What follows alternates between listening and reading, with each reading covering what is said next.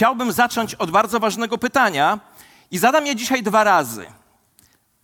Teraz i na końcu mojego nauczania. Pytanie jest bardzo poważne. Kto chciałby z Was mieć w swoim sercu zawsze Bożą radość i Bożą siłę? Rękę w górę. Większość z nas. Fantastycznie to teraz słuchajcie z całą uwagę. uwagą. Słowo Chrystusowe niech mieszka w Was obficie. Mówi apostoł Paweł w liście do Kolosan 3,16, a w drugim liście do Tymoteusza 3,16 dodaje: Całe pismo jest natchnione przez Boga i pożyteczne do nauki, do strofowania, do poprawiania, do wychowywania w sprawiedliwości. Ale mimo tych wszystkich słów musimy sobie powiedzieć, że w czasach, w których żyjemy, to nawet znajomość Biblii wśród ludzi będących częścią Kościoła niestety jest bardzo słaba. Smutną ciekawostką jest to, że wielu ludzi utożsamia posiadanie Biblii z jej znajomością. A tempo życia sprawia, że coraz mniej mamy czasu na to, by się nad nią pochylić, więc odsuwamy ją na dalszy plan, lub po prostu tak wiele różnych atrakcji, którymi jesteśmy bombardowani, sprawia, że ona nas po prostu nudzi. Jednak jako wierzący nie chcielibyśmy, aby tak się działo, ale niestety prawda jest zupełnie inna. W czasach dzisiejszych rzecz się ma zupełnie inaczej. A przecież posłuchajcie uważnie. Wiara pochodzi ze słuchania, a słuchanie przez słowo Chrystusowe. I dzisiaj po raz kolejny pochylimy się nad księgą Nehemiasza, by w ramach cyklu od nowa zobaczyć, co dzieje się z ludźmi, gdy na nowo odkrywają Biblię, gdy na nowo odkrywają Boże Słowo. A tytuł dzisiejszego nauczania to Słowo, czyli jak powrócić i trwać w Bożej radości i w Bożej sile.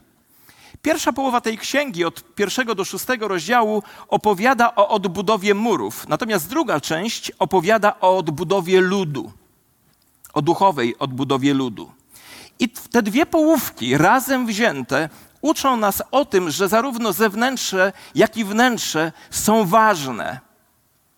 Bo nie zbudujemy swojego życia na solidnym fundamencie słowa, nawet jeśli, jeśli nie zbudujemy naszego życia na solidnym fundamencie Bożego Słowa, to żadne mury nam nie pomogą.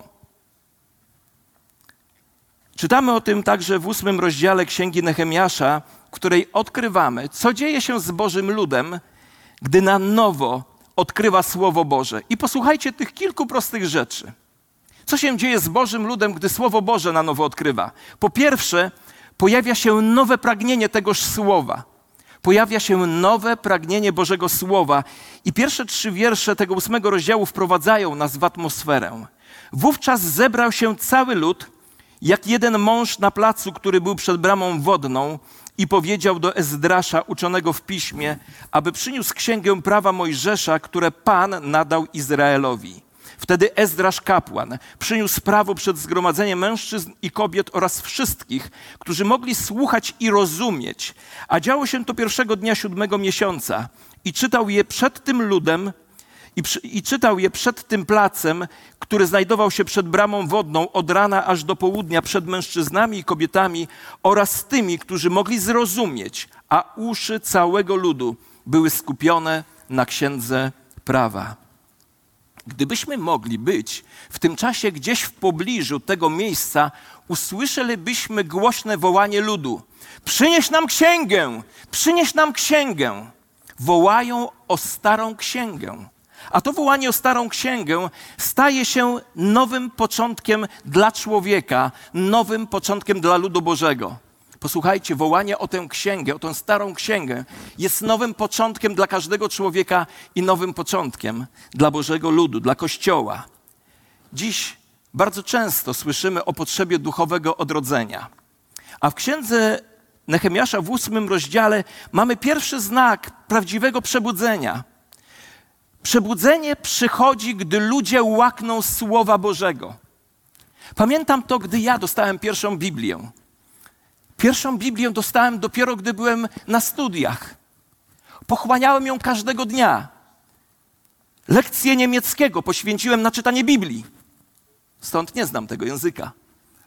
Ale było we mnie takie pragnienie, że czytałem wieczorami, porankami, czytałem nocą, rozważałem to słowo, bo to jest pierwszy znak przebudzenia. Przebudzenie przychodzi, gdy ludzie łakną słowa Bożego. Posłuchajcie, werset trzeci mówi, że słuchali czytania od rana aż do południa. Tak między czterema a sześcioma godzinami. Wyobrażacie sobie sześciogodzinne nabożeństwo? Ja sobie nie wyobrażam.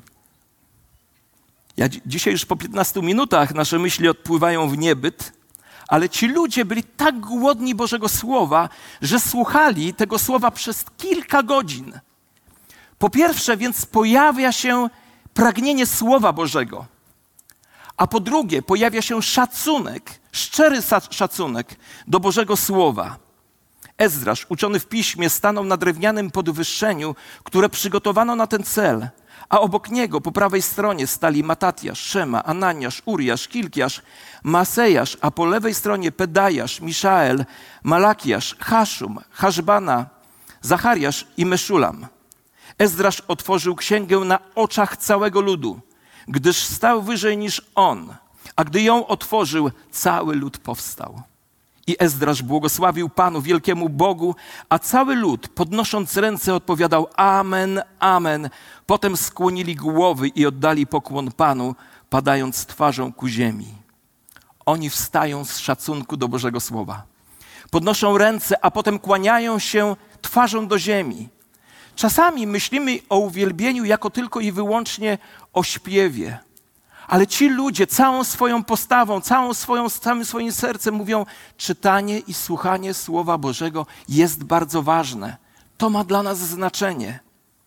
Kiedy Słowo Boże jest czytane podczas uwielbienia, to nie jest błahostka, ale my oddajemy Bogu cześć, kiedy słuchamy tego Słowa Bożego z uwagą. Śmiało możemy powiedzieć, że oni stali, aby usłyszeć Boże przesłanie. To nam mówi, że jeśli nie szanujemy Bożego Słowa, nie będziemy go czytać, nie będziemy go rozumieć i nigdy nie będzie ono nas poruszać.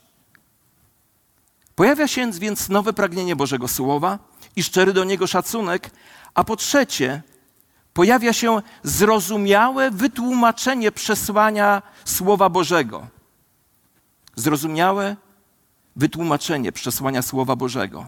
Także Jeszua, Bani, Szerebiasz, Jamin, Akkub, Szabataj, Chodiasz, Masajasz, Kelita, Azariasz, Jozabat, Hanan, Pelajasz i Lewici nauczyli, nauczali ludu prawa, a lud stał na swoim miejscu.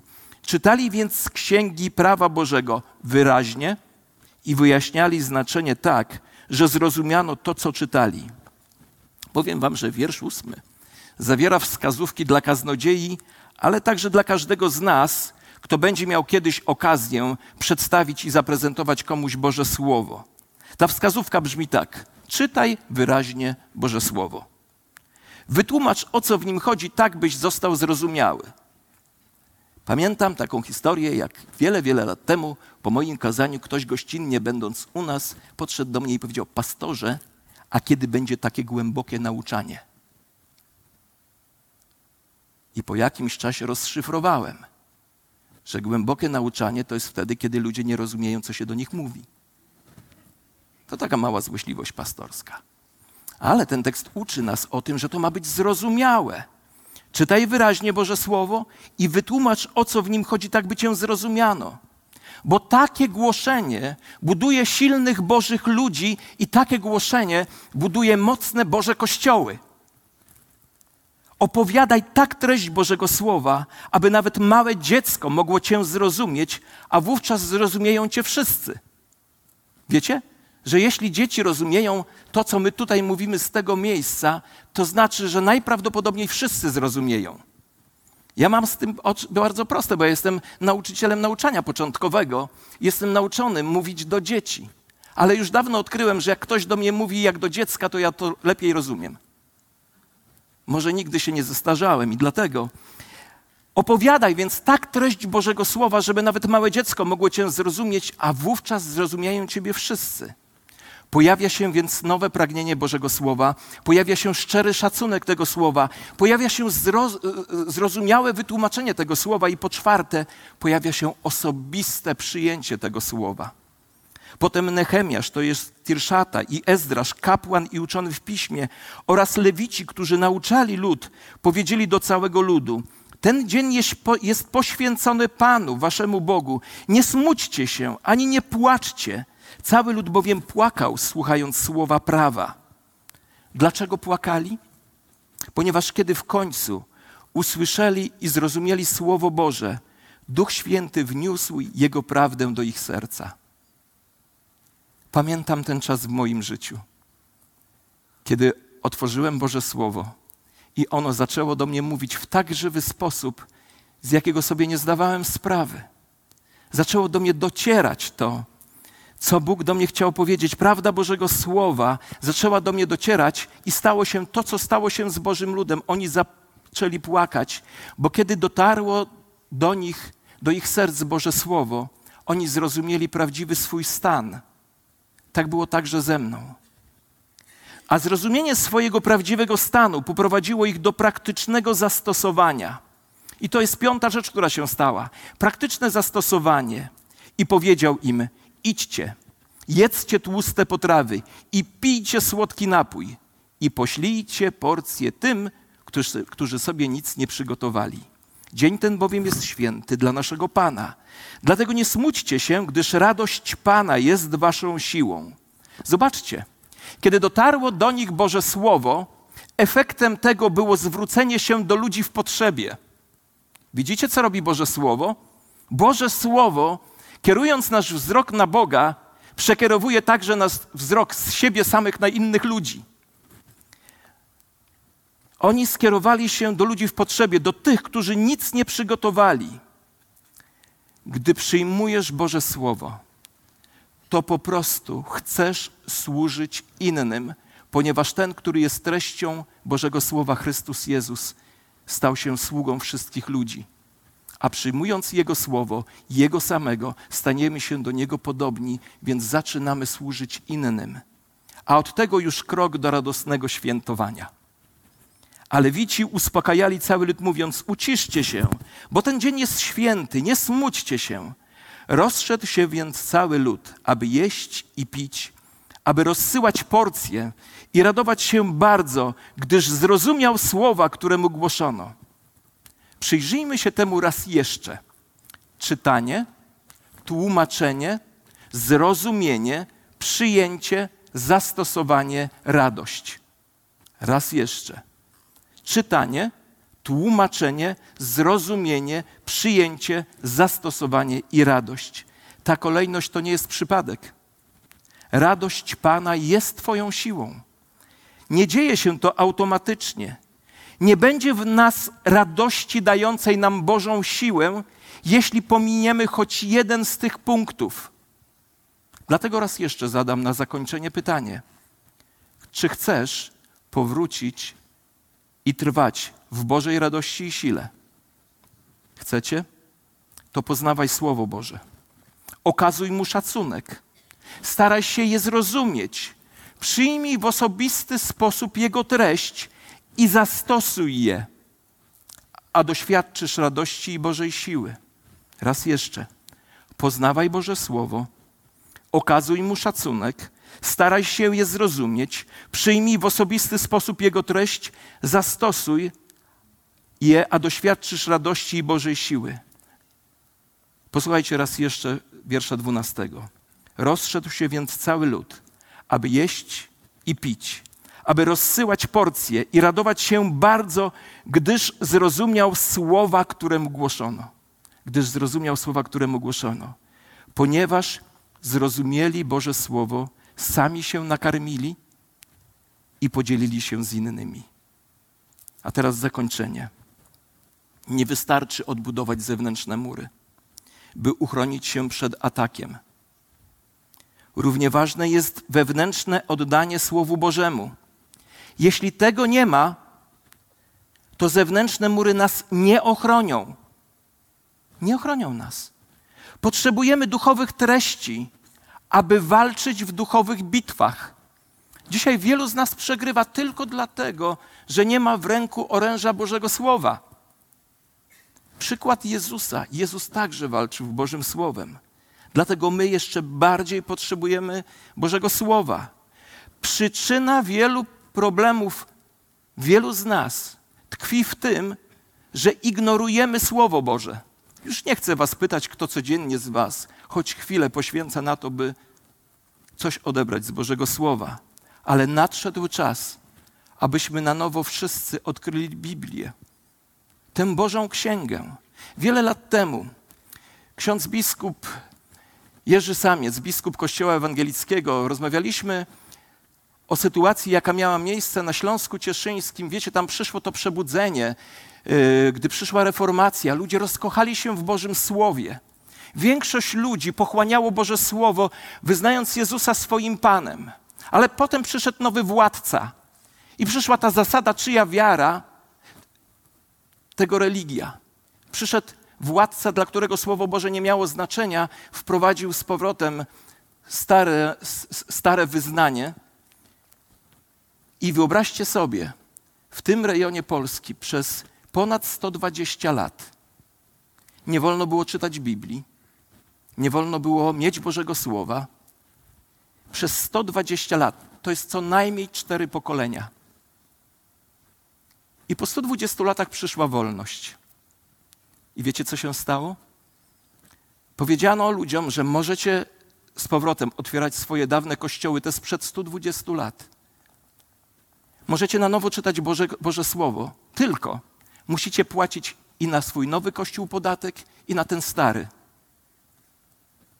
90% ludzi wolało płacić na dwa kościoły podatek, by sięgać po Boże Słowo. A wiecie dlaczego? Bo przez te cztery pokolenia rodzice przekazywali Boże Słowo dzieciom. Dzieci następnym pokoleniom czytano je w lasach, czytano je w ukryciu. Zapiekano Biblię w chlebie i niesiono do lasu, potem łamano ten chleb, wyciągano Biblię, bo za posiadanie Biblii groziła śmierć. I po czterech pokoleniach, gdy przyszła wolność, ci ludzie stali na gruncie Bożego Słowa, ponieważ z ojca na syna, z córkę, z matki na córkę przekazywano to, co jest najcenniejsze. Słowo Boże, zarówno te zapisane, jak i to wcielone. Dlatego to jest tak dzisiaj bardzo ważne Nadszedł czas, byśmy my na nowo odkryli Boże Słowo. Bo to jest księga, która nam objawia Boga. Pokazuje nam nasz prawdziwy stan, wskazuje nam drogę zbawienia, drogę wyjścia przez Jezusa Chrystusa i prowadzi nas z ziemi do nieba. Dlatego czytamy w Bożym Słowie tak: Nie odstępuję od Twoich nakazów, bo Ty mnie uczysz. O jakże słodkie są Twoje słowa dla mojego podniebienia. Są słodsze niż miód dla moich ust. Dzięki Twoim przykazaniom nabywam rozumu, dlatego nienawidzę wszelkiej ścieżki fałszywej. Twoje słowa, Twoje słowo jest pochodnią dla moich nóg i światłością moim ścieżkom. Twoje słowo jest pochodnią dla moich nóg i światłością moich na mojej ścieżce. Posłuchajmy jeszcze jednego świadectwa, które zobaczymy na ekranie. Biblia. Dlaczego ta księga stała się najlepiej sprzedającą się książką w historii ludzkości? I dlaczego warto ją czytać? Powód jest ten sam, dla którego codziennie czytamy wiadomości, żeby być na bieżąco. Ale co jeżeli powinniśmy tak samo aktualizować, co się dzieje wewnątrz nas? Każdy z nas w życiu poczuł się chociaż raz potraktowany niesprawiedliwie. Ale skąd wiedziałeś, że coś jest niesprawiedliwe?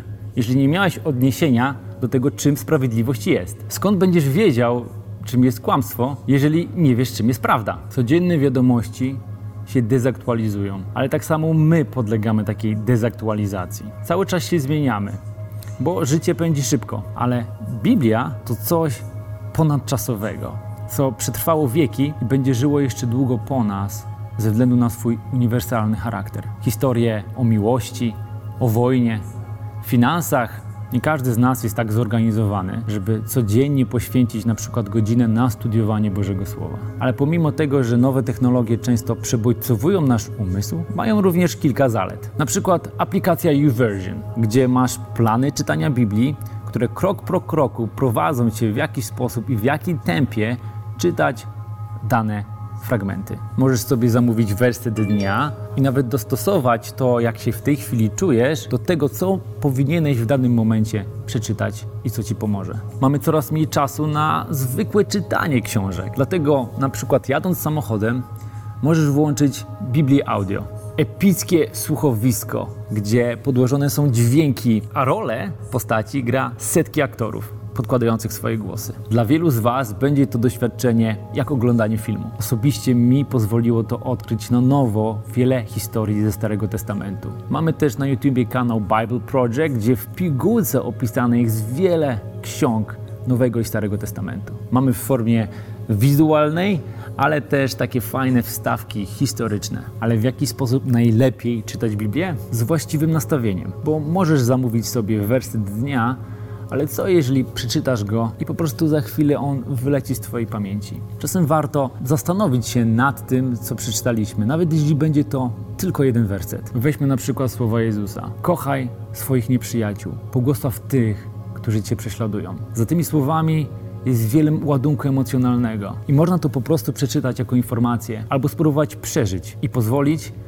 by ten werset zaktualizował Ciebie. Ale najważniejsze, Biblia w tajemniczy sposób łączy Ciebie z Panem Bogiem, z Twoim Stwórcą.